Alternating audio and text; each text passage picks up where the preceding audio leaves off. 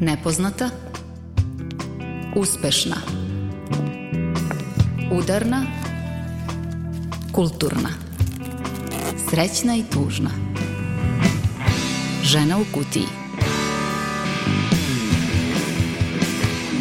Dobar dan, ovo je Radio Novi Sad i termin rezervisan za priču o ljudskim pravima. Slušate ženu u kutiji, sa vama u narednih sat vremena, ton majstor Damjan Šaš i ja sam Tamara Srijemac. Radna eksploatacija, sindikalna borba i predrasude od van telesnoj oplodnji, to su teme koje su stale u današnju kutiju.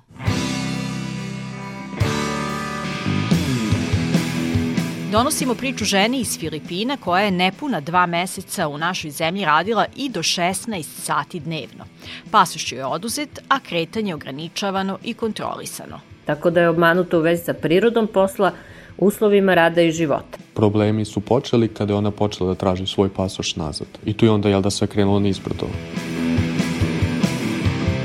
U Srbiju su stigle prve ćelije iz banke reproduktivnog materijala u Španiji. Kakva je procedura prijave, ali i koje predrasude imamo o van telesnoj oplodnji? Šta bi žene koje su u procesu volele da čuju od ljudi iz okruženja? Ako ne želite da pitate i da pričate sa tim ljudima dugo o tome i da ih razumete, onda nemojte uspud da ih pitate jeste bili skoro na van telesnoj oplodnji, šta, dok ste sad stigli, nije to pitanje u skapicu. U rubrici Uspešna upoznajemo vas sa ženama, sindikalnim liderkama. Ja mislim da e, sama činjenica što je žena došla na čelo sindikata e, je pozitivno u smislu što e, se razmišlja u pravcu da žene imaju kapacitete da to iznesu. Udarna žena u kutiji. Rubrika Udarna govori o trgovini ljudima u cilju radne eksploatacije. O konkretnom slučaju za koji je javno saznala na osnovu priče koju je uradio istraživački portal Voice. Nepuna dva meseca državljanka Filipina obavljala je kućne poslove u domaćinstvu jedne imućne porodice u Beogradu. Kako je izgledao njen prosječan radni dan? Na papiru, prosečan radni dan državljanke Filipina, koji ovde možemo da nazovemo Samanta, bio je prilično organizovan. Kada je došla u domaćinstvo, ona je dobila spisak radnih obaveza koje je trebalo da obavi u periodu od 8 sati ujutru do 4 sata popodne. To je uključivalo dakle čišćenje, spremanje, ribanje, usisavanje, pranje veša, peglanje i tako dalje.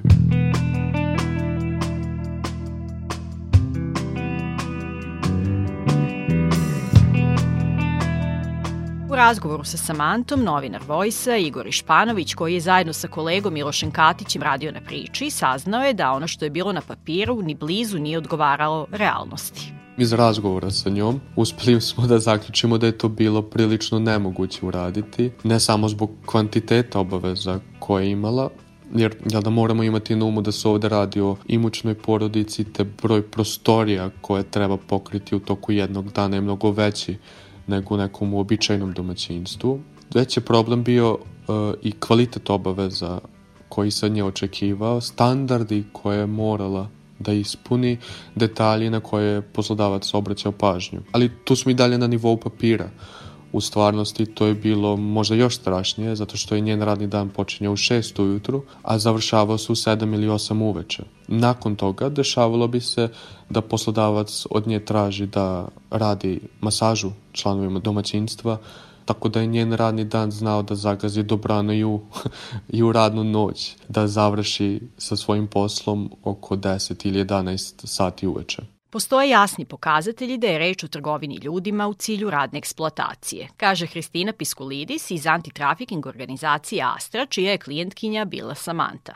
Najpre je sporan ugovor o radu koji je žena iz Filipina sklopila sa firmom Digital for Global koja se bavi online marketingom. Opis posla ne odgovara onome čime se ona realno bavila po dolasku u Srbiju. Interesantno je da je istovremeno pre dolasku u Srbiju imali kratak razgovor sa budućim poslodavcima gde je ukratko rečeno da će se baviti čuvanjem dece i da njen radni dan neće biti duži od 8 sati. Tako da je obmanuta u vezi sa prirodom posla, uslovima rada i života. Zatim znamo da je od strane poslodavca bio oduzet pasoš i vraćen tek nakon što je poslodavac nezadovoljan njenim opravdanim reakcijama na loše uslove rada i života, rešio da je pošalje nazad u matičnu zemlju. Dakle, sa jedne strane imamo oduzimanje pasoša od strane poslodavca. Međutim, to je u početku još bilo opravdavano time da je svakako na njemu bila obaveza odnosno na advokatici koja je posredovala u ovom slučaju, da regulišu njen boravak u Srbiji. I u skladu sa time procedura je pokrenuta pri uh, Upravi za strance u Beogradu, to je neki proces koji ne bi trebalo da traje duže od mesec dana. Trenutak kada je sve počelo da se preokreće jeste kada je Samantha shvatila da ni posle mesec dana njoj nije izdata boravišna dozvola, odnosno rešenje u istoj. I kako je ona sama nama rekla u razgovoru, problemi su počeli kada je ona počela da traži svoj pasoš nazad. I tu je onda, jel da, sve krenulo nizbrdo.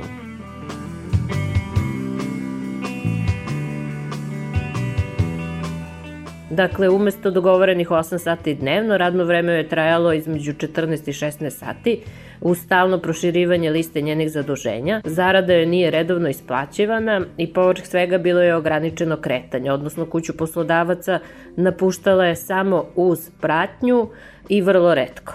Ograničeno kretanja, bivanja pod prismotrom i dalje nemogućnosti raspolaganja svojim putnim dokumentom. Poslodavci, odnosno njihovi eksploatatori u ovim slučajima vrlo dobro znaju da na osnovu toga što im nije sređen uh, radno-boravišni status, mogu beskonačno da ih ucenjuju, pričući im da će ih deportovati, prijaviti policiji i tako dalje. Zastrašivanje je uvek sastavni deo fenomena trgovine ljudima kao alat kojim se obezbeđuje poslušnost žrtve.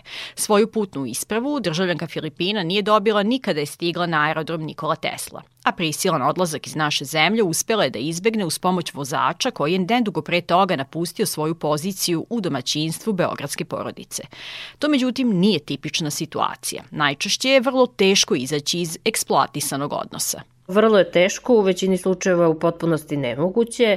Mi mora da uzmemo u obzir da je u pitanju osoba koja je u stranoj državi, čiji jezik i običaje ne poznaje. Možemo i da se podsjetimo e, slučaja vijetnamskih radnika, sa njima je komunikacija dodatno bila otežana jer oni nisu znali ni engleski. E, srećom, e, naša klijentkinja sa Filipina sasvim solidno govori engleski, pa onda smo se lakše sporazumeli. Poređenje sa Ling Longom, odnosno slučajem eksploatisanja vijetnamskih radnika u fabrici pneumatika u Zrenjaninu, može se napraviti i u kontekstu fiktivnih ugovora. U oba slučaja radnici su sklopili nevažeće ugovore. Mnogo je sličnosti, kaže Hristina Piskulidis, s tim što je Ling Long, imajući u vidu broj potencijalno oštećenih, mnogo teži slučaj i pretpostavlja se da uključuje veću mrežu trgovaca ljudima i potencijalnih eksploatatora. Ono što je takođe indikativno i povezuje ova dva slučaja jeste da su i jednim i drugima bili oduzeta putna dokumenta, odnosno pasoši, pod izgovorom da je to način da im se sredi boravišna dozvola. Međutim, to je potpuna laž i to je zapravo način i prvi uh, onaj alarm da je najverovatnije u pitanju prevara. Osim toga, između ovog slučaja i slučaja Ling Long može se povući i paralela i na osnovu toga što su jedni drugi te prve vize za dolazak u Srbiju dobili u konzulatu u Džakarti, e, koji zapravo pokriva Filipine, Vijetnam i e, još neke od zemalja Jugoistočne Azije. To je takozvana D viza koja može da se izda i za uslove zapošljavanja njeno trajanje od 90 do 180 dana i to je zapravo taj period u kome poslodavac i zaposleni treba da regulišu status određene osobe, odnosno njen radnoboravišni status u Srbiji. Interesantno je da veliki broj osoba koje su potencijalno eksploatisane su išle preko tog konzulata. Samanti je tokom proleća 2021. izdata viza za dolazak u Srbiju u ambasadi u Džakarti, prestonici Indonezije. Predstavništvo Srbije u tom gradu ovlašćeno je za odobravanje viza za stanovnike još nekoliko država jugoistočne Azije, poput Filipina, Malezije, Vjetnama. Vojs je došao do podataka da je u periodu od 2016. do novembra 2022. godine ta ambasada izdala ukupno 717 viza državljanima Filipina. To je čak jedna petina od svih viza koje je odobrila u čitavom tom periodu. Koliko ima nevidljivih i eksploatisanih ljudi u našoj zemlji na osnovu ovih podataka za sada samo možemo da nagađamo, kaže Igor Išpanović ko autor teksta. Mislim da je naš tekst pokazao dve bitne stvari. Prva je upravo ti fiktivni ugovori kao jedan od potencijalnih mehanizama preko kojeg su radnici i radnice širom sveta eksploatisani u Srbiji. Uh, druga stvar jeste trend koji smo uočili kada su u pitanju zemlje jugoistočne Azije. Dakle, mi smo od Ministarstva spolnih poslova dobili informaciju o tome uh, koji broj viza uh, je ambasada Republike Srbije u Džakarti, Indoneziji, izdala u periodu 2016. do tada novembra 2022. I sad tu, je, tu se vidi velika razlika između prvih pet zemalja kojima je izdato više od 500 viza i šeste zemlje koje je Kambođa sa svega 50-ak ovaj, izdatih viza u tom periodu. A među tih prvi pet jesu dakle Filipini, jeste Vijetnam, jesu Tajland, Malezija i Indonezija. Ali kao što sam rekao, jel da mi dalje možemo samo da nagađamo koja je svrha njihovog uh, dolaska u Srbiju, ali to jeste svakako jedna od stvari kojom planiramo da nastavimo da se bavimo i koju planiramo da nastavimo, da istražujemo. Ling Long, državljanka Filipina, da li smo nešto naučili iz ovakvih slučajeva i šta bi naša država morala da uradi da se ovakve stvari izbegnu? Odgovara Hristina Piskulidis iz Astre. Bilo je dosta stvari za učenje i u jednom i u drugom slučaju, ali nekako ono što se nama čini je da ovi propusti nekako nisu posledica neznanja, nego nepostojanja volje da se oni rešavaju. Mi vrlo često u slučajevima kad niko ko ima neki ozbiljan uh, politički ili društveni background nije upleten u slučaj, imamo primere da institucije vrlo dobro i u skladu sa zakonom i propisima zapravo obavljaju svoje obaveze. Međutim, u suprotnom, kada među potencijalnim počiniocima postoji neko ko ima ozbiljnu društvenu i političku zaleđenu, onda nekako nekako stvari idu mnogo sporije. Samanta je svoje iskustvo sa institucijama u Srbiji ispričala novinarima Vojsa. Samantino iskustvo sa institucijama u Srbiji je veoma negativno. I tako je, mislim, bilo od samog početka, dakle, od procedure za pribavljanje boravišne dozvole, koju ona nikada nije dobila, do trenutka gde ona odlučuje da izađe iz radnog odnosa i obrati se za pomoć Filipinskom konzulatu u Beogradu, gde su joj vrata mislim, bukvalno bila zatvorena. Odnos institucija prema Samanti najbolje odslikava proces kroz koji je ona prošla pri Centru za zaštitu žrtava trgovine ljudima. Dakle, ovaj postupak je ona pokrenula uz pomoć nevladine organizacije Astra, koju je podržavala tokom čitavog ovog perioda. I upravo je ova organizacija na kraju uočila brojne nepravilnosti koje je centar načinio na Samantinu štetu. Pod broj 1 tu su oni skrenuli pažnju na sekundarnu viktimizaciju koju ona doživela, e, zatim na prostor gde, se, gde su se razgovori obavljali, što nije bio prostor centra, već je bio prostor Ministarstva unutrašnjih poslova. Pored toga na jednom od sastanaka je bilo onemogućeno prisustvo Samantine punomoćnice, što nije bilo dozvoljeno. A na kraju krajeva Samanta, odnosno Astra, nikada nisu dobile E, nikada nisu dobile zvanično rešenje centra da ova nije identifikovana kao žrtva trgovine ljudima, već su tu informaciju dobili preko jednog telefonskog poziva i jednog veoma kratkog maila. U pitanju nije nepoznavanje obaveza ili ovaj, neispunjavanje radnih zadataka, već da su u pitanju neki drugi interesi kako bi se zataškala istina i kako niko ne bi snosio odgovornost za počinjeno krivično delo.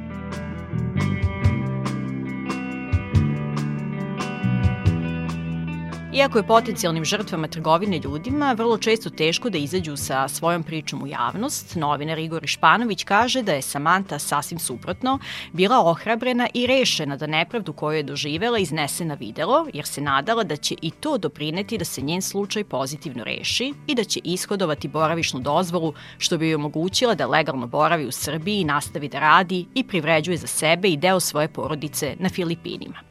S druge strane, iznošenje ovakve priče u javnost novinarima takođe je izazov. Mislim da je bilo teško izneti ovu priču do kraja, predstaviti je javnosti, jer nikad ne možemo da budemo sigurni kakav će ona efekat imati. Da li će nadležne institucije reagovati, ako će reagovati, na koji način će to uraditi, da li će biti pozitivno po Samantu ili će biti negativno po ovu državljanku Filipina. To je nešto što ti se uvek vrti u glavi i samo možeš da se nadaš da će tvoja priča imati nekog pozitivnog odjeka i da će krajnji epilog biti dobar po ljude, žrtve koje su u nju uključeni. Kako bi prevenirali ovakve priče i postarali se da epilog bude dobar, nevladina organizacija Astra pokrenula je kampanju u saradnji sa BFM-om i Autonomnim ženskim centrom o podizanju svesti i povećanju informisanosti o temi trgovine ljudima. Reč je o videoklipovima koji nude konkretna objašnjenja i informacije, a jedan video govori o tome na koji način bezbedno možemo pretraživati poslovne ponude, kako prepoznati rizike i na taj način se zaštititi od zloupotrebe ili radne eksploatacije. Kratka lekcija sledi i u našoj emisiji. Prvi znak e, da nešto nije u redu jeste, na primjer, to da vas neko tera da potpišete ugovor koji zapravo ne opisuje ono oko čega ste se usmeno e, dogovorili. Ono što je takođe karakteristično je da većina žrtava koja završi u lancu trgovine ljudima zapravo tamo dospe, bez obzira na to da li je kasnije postane žrtva radne, seksualne ili neke druge vrste eksploatacije, tamo dospe zapravo na osnovu lažnih oglasa za posao kako ne bi lako nasedali na te lažne oglase za posao, postoje određene preporuke, a to je da se, jel te, pre svega raspitamo o viznom režimu i o dokumentima koji su nam neophodni za rad u inostranstvu. Takve informacije je najsigurnije potražiti u ambasadi ili predstavništu te zemlje u koju odlazite. Zatim je bitno pribaviti kontakte naše ambasade ili konzulata, sindikata i nevladnih organizacija u zemlji destinacije kako bi u slučaju da vam se nešto desi, odnosno da nešto krene po zlu ili vidite da to nije ono što ste očekivali, kako bi znali koga da kontaktirate i kako bi vam oni pomogli da izađete iz te situacije i kopiju pasoša uvek ostaviti osobi od poverenja i pasoš čuvajte kod sebe, ne davati ga nikome osim službenim licima. Sve videoklipove možete pronaći na društvenim mrežama i internet platformama organizacija AŽC Astra BFM, a važna informacija je i to šta Astra nudi kao podršku kako bi preventivno pomogla našim ljudima koji su u procesu pronalaženja posla u inostranstvu. Hristina Piskulidis. Mi dakle besplatno radimo proveru oglasa i poslovnih ponuda, odnosno proveravamo podatke o firmi i agenciji ko, ili agenciji koja posreduje zaposlenju na portalu, agenciji za privredne registre, a takođe ukoliko je u pitanju firma iz inostranstva, ovaj, proveravamo našu bazu i baze saradničkih organizacija iz eh, inostranstva da vidimo da li možda ta firma u koju odlazi osoba već ima neki u prošlosti neki slučaj izrabljivanja ili eksploatacije, pa onda dajemo preporuku na osnovu toga da li treba da se ide ili ne. Onda ukoliko se desi da je osoba pre odlaska potpisala ugovor, mi radimo sa našim advokatskim timom proveru tih e, poslovnih ugovora. Čak i ako su u pitanju više jezični ugovori, na osnovu te provere zapravo dajemo preporuku i govorimo o tome da li tu ima osnova i da li prosto sam ugovor otvara neku mogućnost eksploatacije. Zatim dajemo informacije o svim licenciranim agencijama za zapošljavanje u našoj zemlji i koliko osoba zna tačno u koju zemlju ide, onda dajemo informacije o uslovima boravka i rada u toj konkretnoj zemlji. Zatim tu su i kontakti organizacije institucije iz te zemlje destinacije. Takođe Astra izradila mobilnu aplikaciju koja se bavi ovim pitanjima informisanja za različite slučajeve zapošljavanja.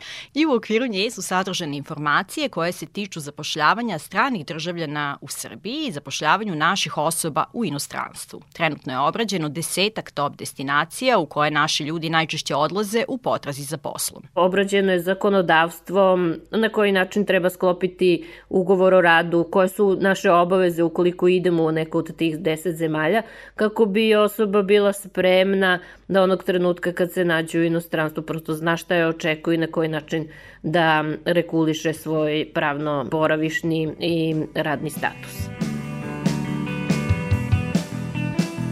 A klijentkinja Astre o kojoj je pisao portal Voice Samantha i dalje želi da ostane i radi u Srbiji.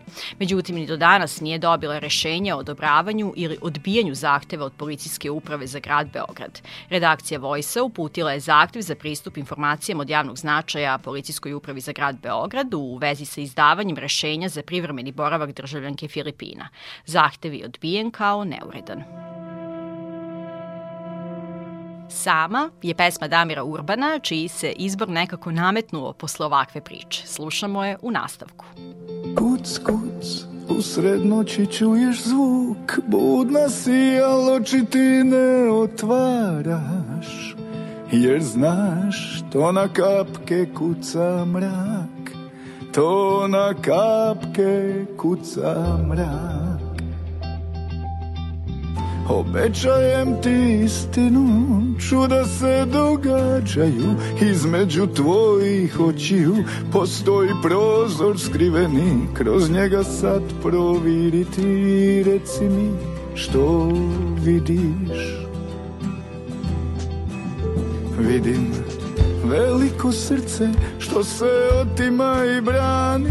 Vidim ženu s jarbola viće Kopno u magli vidim strašni val se diže A ona ubaci u orahovoj ljusci ili nečijoj šaci Ali vidim i svjetlo što se liz tijela u tijelo Puno more lampiona kao zvijezdano nebo. Vidim kako polako postaje jača od svega Raste Ponos sudbu mijenja Tad začuje lepet Zvoni stotinu milja. Ja to prolazi visoko Ja to predivnih vila. Ona gleda u ruke A ruke postaju krila. Tad poleti za njima Jer srce zove daljina. Prevrnuta gnjezda Ptice ne vraćaju na stabla Već grade iz početka nova. Bolja i snažna O, predivna, nemirna Pogledaj bolje U orahovoj ljusci Ti izazivaš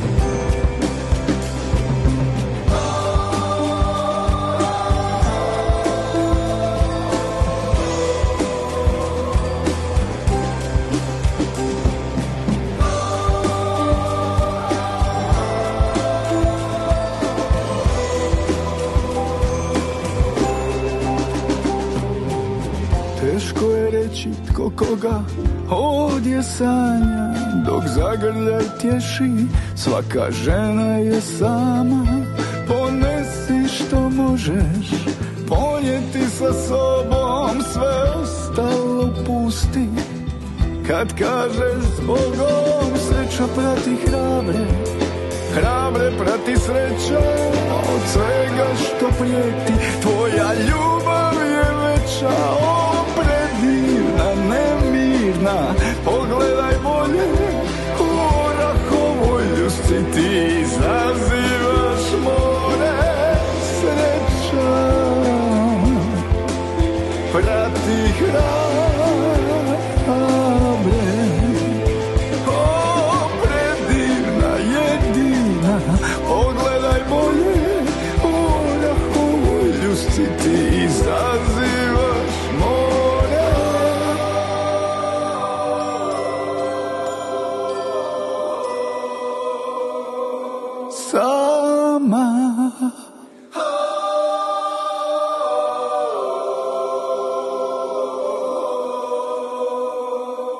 Sama Nepoznata žena u kutiji. Iz Španije su stigle prve reproduktivne ćelije uvezene u trošku države krajem januara, tačnije 24. i 25. januara. Stiglo je šest paketa jadnih ćelija za šest žena. Postupci van telesne oplodnje biće obavljeni u dve klinike u Beogradu, u klinici za ginekologiju u Višegradskoj i u Narodnom frontu. Država Srbija je, osim sa bankom iz Španije, potpisala ugovor sa bankom reproduktivnog materijala iz Češke i sa dve banke iz Danske. Za van telesnu oplodnju doniranim jajnim ćelijama i spermatozoidima moguće je prijaviti se i putem interneta. Potrebno je popuniti kratak upitnik na portalu e-uprava i kakva je procedura za prijavljivanje, koliko je zainteresovan zainteresovanih i kako protiv predrasuda o vantelesnoj oplodnji za ženu u kutiji govori konsultantkinja za vantelesnu oplodnju Sandra Jovanović.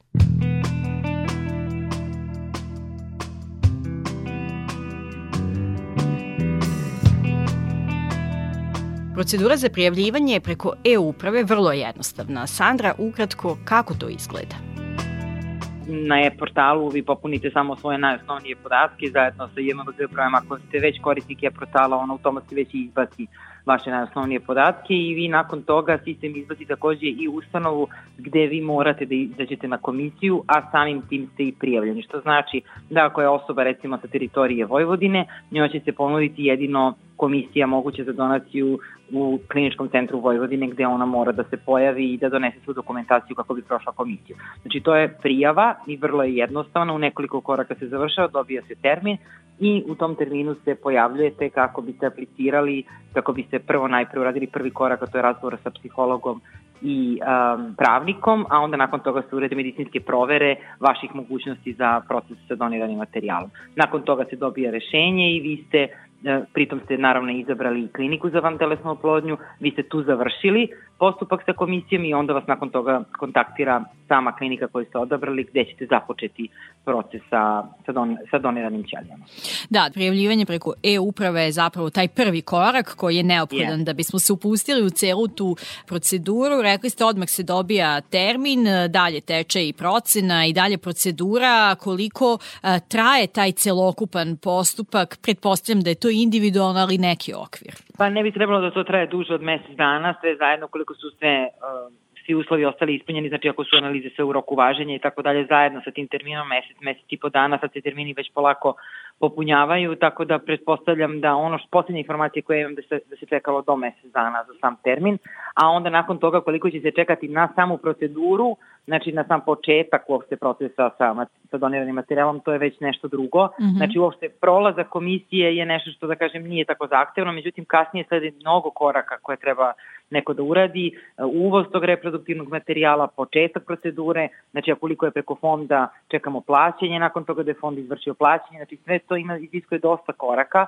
naravno pacijent nije tu vezan za sve te delove, ali generalno ima čekanja i nakon završene komisije i pozivnog pisma koji se dobije kad se odabere klinika. Važna stvar je da žene imaju pravo izbora na kojoj klinici će raditi postupak van telesne oplodnje, koliko klinika je u ponudi pa e, trenutno ima više od 15 klinika privatnih u ponudi i 7 e, državnih klinika, tako da mislim ne više nego tačno 15 privatnih klinika i 7 državnih i na svim, u svim tim ustanovama se mogu, može uraditi proces preko fonda sa doniranim materijalom, tako da izbor je svakako na pacijentu, na onome što on želi, na onom m, prosto da sami odaberu gde će raditi, tamo će istići materijal, tamo će biti cela procedura, znači preko fonda oni mogu da biraju apsolutno kliniku.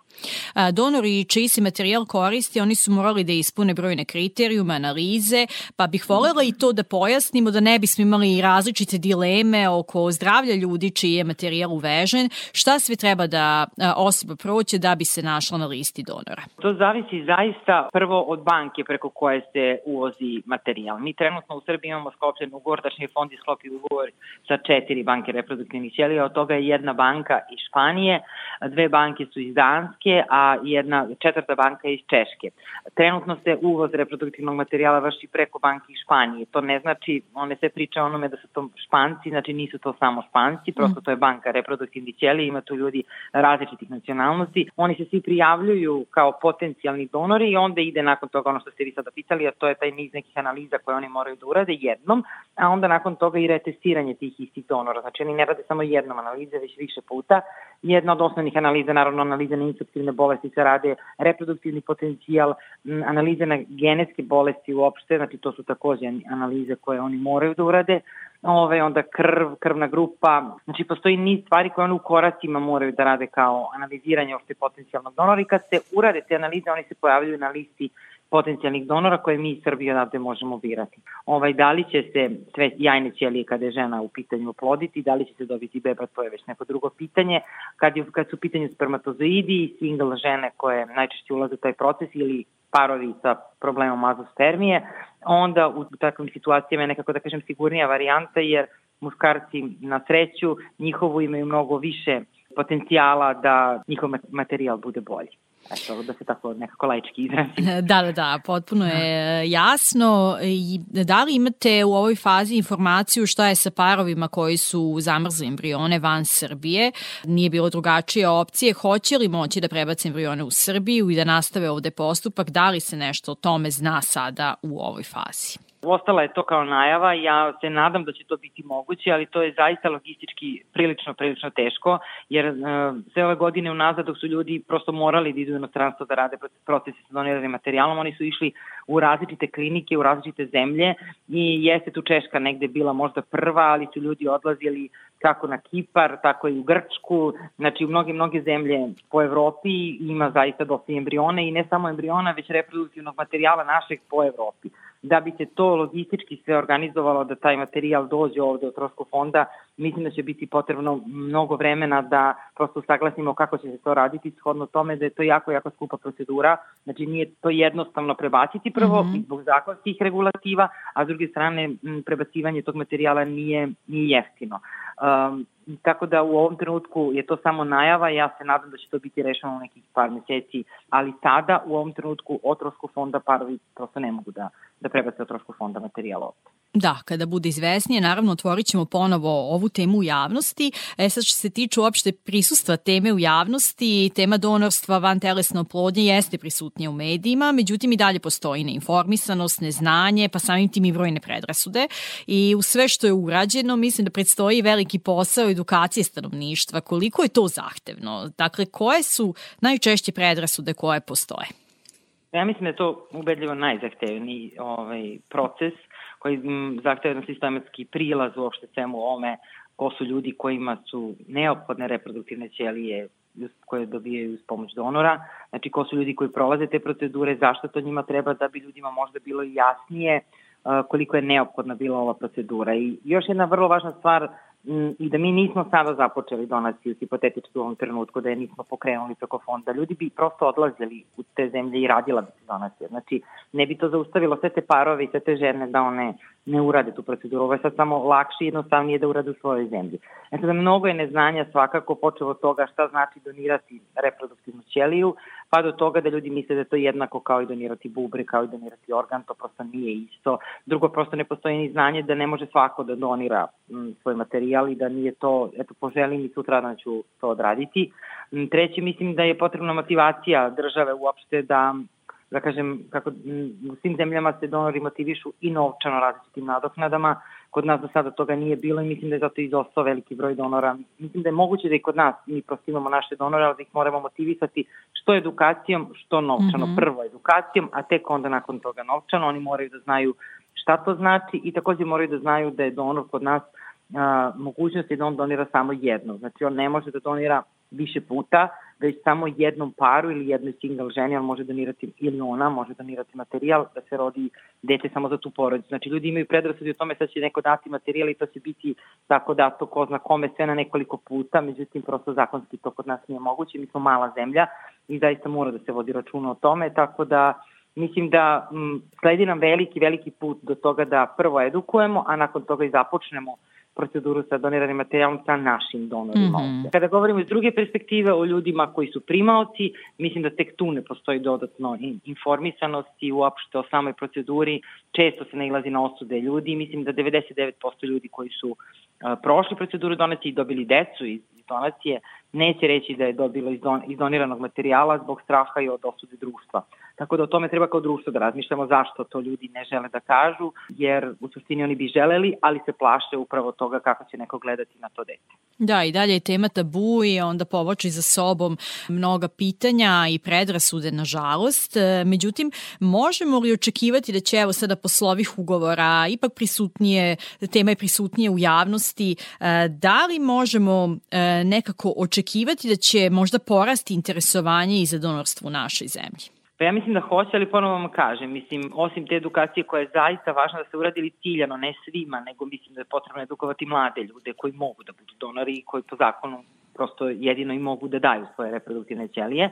Znači, mislim da je to prvi korak i to treba da bude onako jedan sistematski prilaz svemu tome, a mislim da nakon toga, ukoliko se ponudi ta nadoknada, da će biti sigurno zainteresovanih. Ja imam dosta, dosta informacija, u kontaktu sam godinama sa ljudima koji su u, ovom problemu i znam da postoje ljudi dobre volje, puni altruizma koji bi želeli da pomognu, ali da takođe mora da za njih postoji osim edukacije, osim naravno i te novčane nadoknade, jedan jasan jednostavan put gde oni mogu da doniraju materijal i kako da oni to urade, kako je njihovo angažovanje potrebno, koliko je dugo to angažovanje, da li će to biti preterano veliko angažovanje, tako da mislim da taj jasan, jednostavan put za donora jeste rešenje, pored edukacije naravno i novčane nadoknade, da bi na taj način sigurno sam i naša banka imala i sobstvene donirane ćelije u smislu ćelije koje su od naših donora. To mislim da to uopšte nije tako nemoguće, samo je to još malo nek, nekih sitnica da ispravimo. Da, što se tiče te finansijske nadoknade koju spominjete, e, da li postoji mogućnost sada za to prema važećim zakonima ili treba menjati regulativu u tom kontekstu? Pa, prema trenutnom zakonu ne postoji jer je vrlo jasno da to mora biti iz altruizma, mora se naći rešenje, ali samo da vam kažem, ja sam često pričala o tome, nije jedna zemlja u Evropi nema jasno naglašeno u zakonu da je moguće e, nekom uh, dati nova zato što je on donor. Znači sve zemlje su nalazile neki, neko rešenje za to kako će se ta nadoknada isplatiti i na osnovu čega. Tako da, ako je nešto donorstvo, onda je ono po automatizmu iz altruizma, je li tako? I prosto mora da se nađe i neko rešenje za to kako da oni dobiju određenu nadoknadu koja neće biti prodaja njihovog reproduktivnog materijala, već će to biti, da kažemo, onako, jedna nadoknada za njihovo zalaganje i za njihov trud i uopšte izgubljeno vreme, jer oni zaista ne mogu da svoj materijal daju tek tako što će jednom -hmm. doći u bilo koju bolnicu, već imaju mnogo, mnogo koraka do toga da bi uopšte mogli da daju materijal. Da, morat će da se menja zakon koji trenutno ima. E, Vola bih još da porazgovaramo ukratko i o e, psihološkim izazovima, zato što ceo postupak van telesne oplodnje jeste izazovan za buduće roditelje. Da li se vodi računa u tom psihološkom aspektu, zapravo koliko je važna psihološka podrška u tom procesu? Pa mi smo se sad i u toku ovog razgovora negde dotakli isto od te teme uopšte toga koliko društvo osuđuje, koliko to generalno generalno i utiče na sam i parove i uopšte single žene. Zamislite koliko je psihološka potrebna, e, podrška potrebna ženi koja je sama i koja želi da uđe u proces sa doniranim materijalom, kako društvo gleda na to i koliko je njoj neophodno da neko razume zašto ona to želi.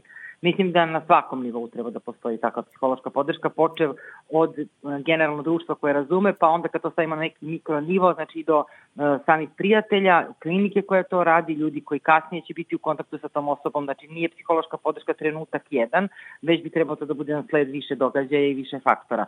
Svakako mislim da nedostaje, naravno, i generalno ljudi koji su uh, koji se suočavaju sa problemom neplodnosti, njih najbolje mogu da razume ljudi koji su takođe u tim postupcima, lekari, psiholozi iz klinika, znači to su ljudi koji su već involvirani u sam proces i nekako lakše će razumeti. Dok ljudi koji su lako ostvarili trudnoću zaista, hvala Bogu, pa to ne mogu da razumeju, ali u tom trenutku baš uh, se dešava najčešće da su ljudi zato i povređeni. Vrlo često se dešava da nam neko kaže ne znaš ti nisi roditelj ili saznaćeš kad budeš mm -hmm. bila majka ili prosto ne, zo, ne zovemo te prijatelje da dođu na veći rođendan zato što oni nemaju dece. Znači nekako na, neki, na jedan onako možda indirektan način te ljude više zaboli sve to, ovaj, jer prosto teško proživljavaju nemogućnost da dobiju dete.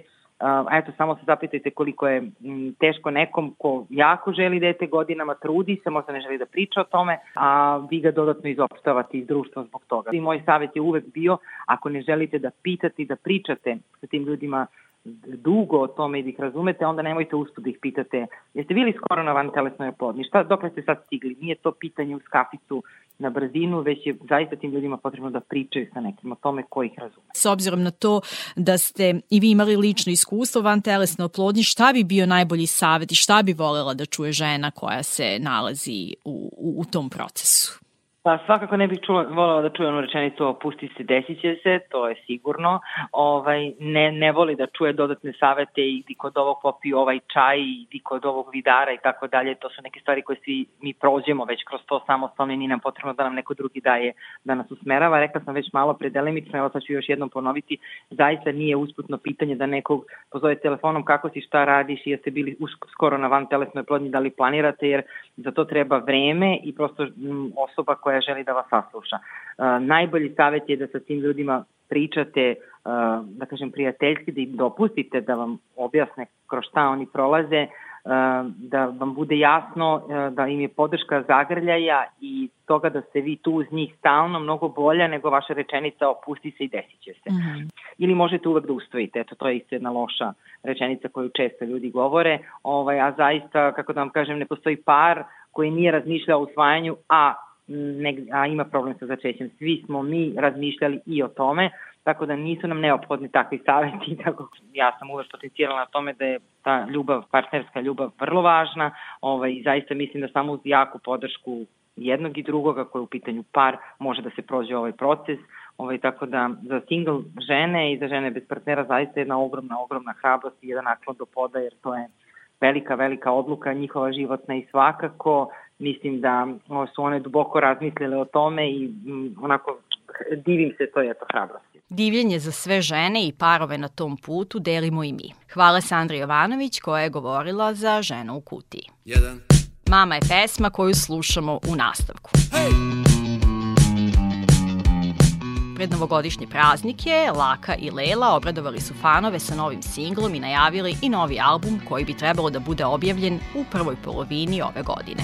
Mama, ne mogu da se koncentrišem ove noći do kada treba širom držat otvorene oči. Sad mi je jasno kad si rekla svako za se travu pase Mama, ne mogu da se koncentrišem ovog dana Namjerno sam izgubio ključeve od svoga stana. Da ne srećem ljude, a ljudi izlude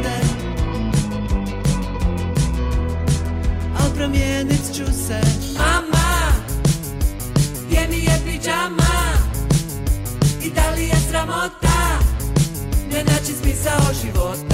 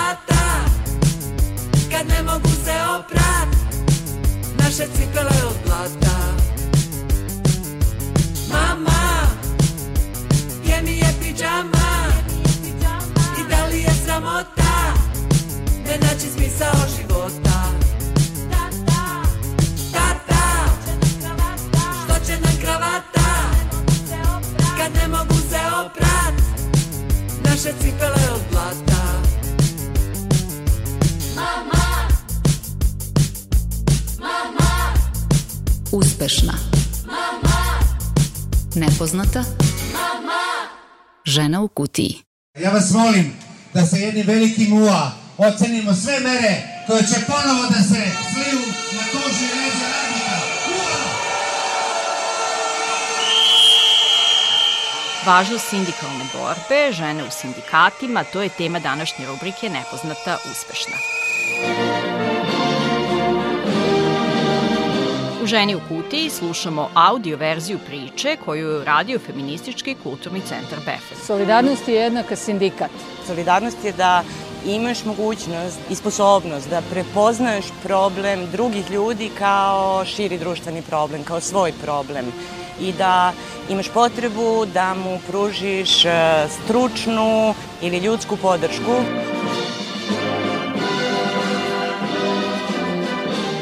Čućete priču Aleksandre Vitorović, stručne saradnice za međunarodnu sindikalnu saradnju u GS Nezavisnost, a zatim i prvu ženu koja je na čelu tog sindikata, Čedanku Andrić. Kada sam primila prvu platu, shvatila sam da mi je skinuta članarina za sindikat. O sindikatu zaista nisam znala dovoljno. Shvatila sam da je tada, u to vreme, sindikalno članstvo nekako išlo po automatizmu. Počneš da radiš i postaješ član sindikata. To se malo kosilo sa mojom predstavom o tome kako ljudi treba da se udružuju, pa sam se malo informisala o svemu i nekako vrlo brzo sebe našla u idejama koje je zastupao sindikat Nezavisnost um, i uh, korak po korak, vrlo brzo još te neke 99. Uh, ušla u sindikalnu priču i nastavila kroz sindikat da se praktično bavim svojim poslom u smislu da se zalažem za um, te principe na kojima je bila zasnovana nezavisnost uh, i da iskazujem tu neku svoju pravdoljubivost, a da to fokusiram na oblast rada. Ja sam u sindikalnu borbu i u sindikalnu priču, kako god hoćete, ušla vrlo brzo posle fakulteta, u onom periodu nesrećnih 90-ih, kad je moja generacija radila sve i svašta, da tako kažem, da, da bi preživeli. Izgubili smo nadu da ćemo raditi nešto u svojoj struci.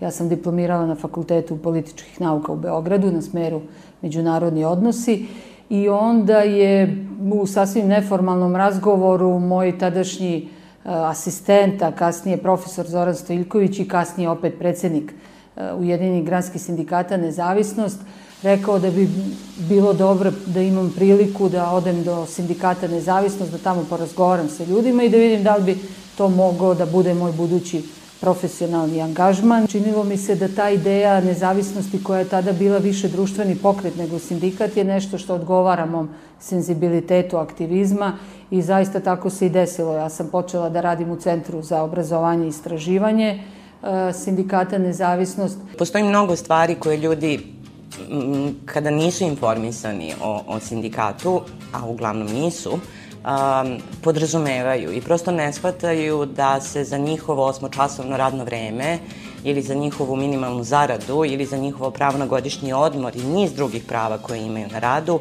izborio upravo sindikat sada ili nekada, ali da to nisu stvari koje su pale s neba a, i da se neko za njih, a, da kažem, decenijama unazad zalagao. Percepcija sindikata u javnosti dosta zavisi od, od toga kakvi su efekti onog što mi radimo i kako mi to u krajnjoj liniji spromovišemo šta smo uradili.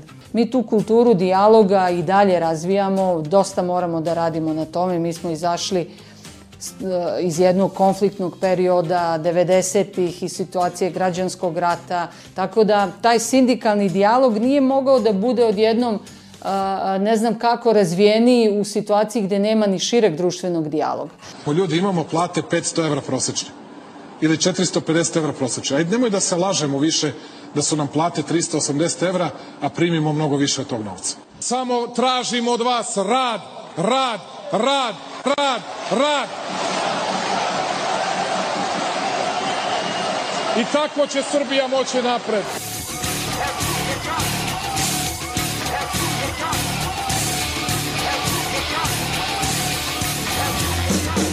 Predugom mi određuju kog Boga da vjerujem. Neću da odustanem, nastavljam da djelujem. Ostaju mi samo potisnute tenzije Dok istina ima tri različite verzije. Sindikat nezavisnosti je nastao 1991. upravo kao odgovor na rastući nacionalizam, rat, bedu, siromaštvo i nekako je bilo logično da sindikat nezavisnost bude uključen kasnije u regionalnu saradnju, da promovišemo dijalog, a ne samo konflikti koji su se dešavali, su bili jedina slika iz ovog regiona.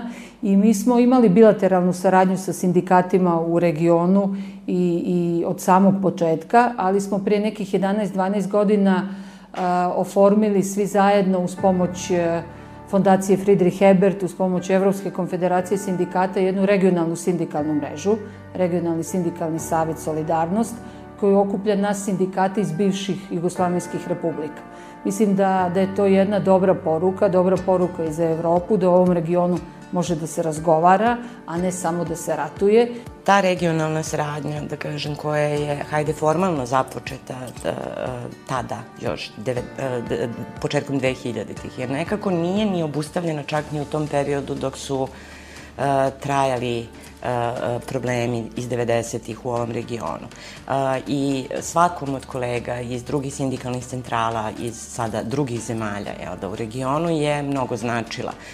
Kolegama iz Bosne je mnogo značilo to što je predsednik naših sindikata otišao i posetio Bosnu tada. Ta sindikalna borba i ta solidarnost su u stvari borba za mir. Bili tada i bit će uvek. Kolege iz Konfederacije slobodnih sindikata Makedonije su imali jedan protest u vreme kad se održavao sastanak solidarnosti u Makedoniji, pošto se mi rotiramo u predsedavanju na, na godinu dana i mi smo tada izašli e, ispred vlade Makedonije da podržimo kolege koji su protestovali jer su bili uhapšeni zbog e, sindikalnog rada, su dobili otkaze. Tako da e, jako puno znači međunarodna sindikalna solidarnost. Neke od zemalja koje učestvuju u, u, u solidarnosti a, su već u Evropskoj uniji a, i mi kao zemlje koje smo na putu ka Evropskoj uniji koristimo neka njihova iskustva. Trudimo se da se ne saplićemo na mestima gde su se oni sapleli, a, trudimo se da iskoristimo sva znanja i iskustva koje su oni usput stekli. Dakle, pravna država, funkcionalne institucije, nezavisno i efikasno sudstvo, to je nešto što su vrednosti Evropske unije i mi smatramo da da, da su to i vrednosti kojima mi treba da, da težimo. Jedan od osnovnih principa na kojima funkcionišu GES nezavisnost je to što ne dozvoljava diskriminaciju bilo kakve vrste. U tom smislu smo se zalagali da u organima odlučivanja, kao i u članstvu, imamo ljude bez obzira na njihovu, njihova opredeljenja bilo kakva. I naravno da smo se trudili da u organima odlučivanja imamo i adekvatan broj žena, jel? jer ih u članstvu imamo otprilike pola-pola, pa bi bilo normalno da se ta slika preslika i na rukovodstvo, odnosno organe odlučivanja. Međutim, statistika kaže da to baš i nije tako.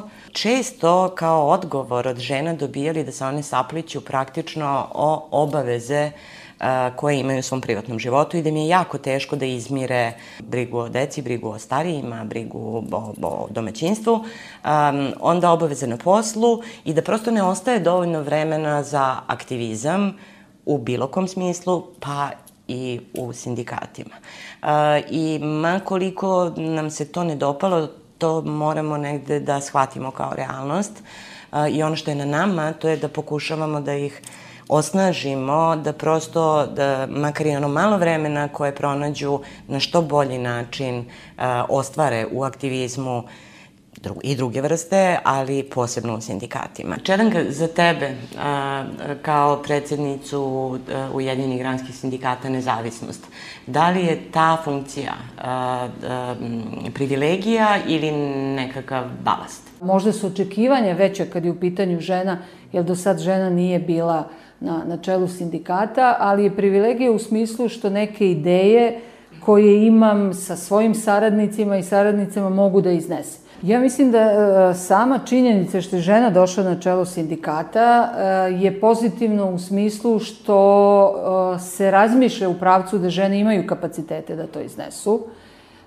Mislim da, da je takođe bitno za sve koleginice koje imaju ambiciju da vide i da kolege, da muškarci mogu da podrže ženu za predsednice sindikata. Ja mislim da je to ovaj, ohrabrenje, ali da jako puno posla još ima da se uradi i da bez podrške i koleginica i kolega niko ne može da bude uspešan, pa ni žena na čelu sindikata.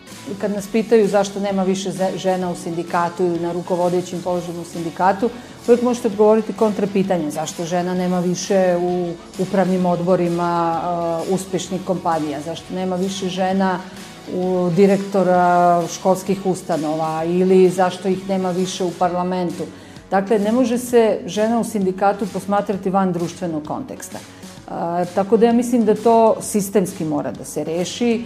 Najefektnije kad to radite od, od ranog obrazovanja, od vrtića, kroz školstvo, da, da, da se razbijaju stereotipi, jer stereotipi ne mogu da počnu da se razbijaju od tržišta rada, od sindikata ili od parlamenta. Stereotipi se razbijaju od malih nogu.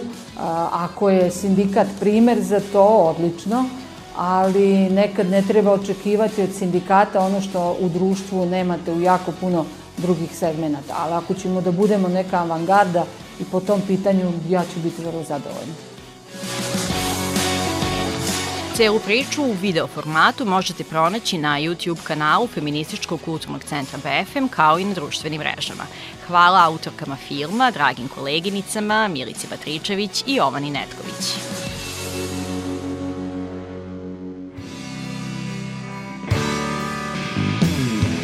Slušali ste Ženu u kutiji. Pratite nas i na društvenim mrežama, pošaljite komentar, sugestiju, predlog. Za danas vas pozdravljaju ton majstor Damjan Šaš i autorka Tamara Srijemac. Uživajte i prijatan dan!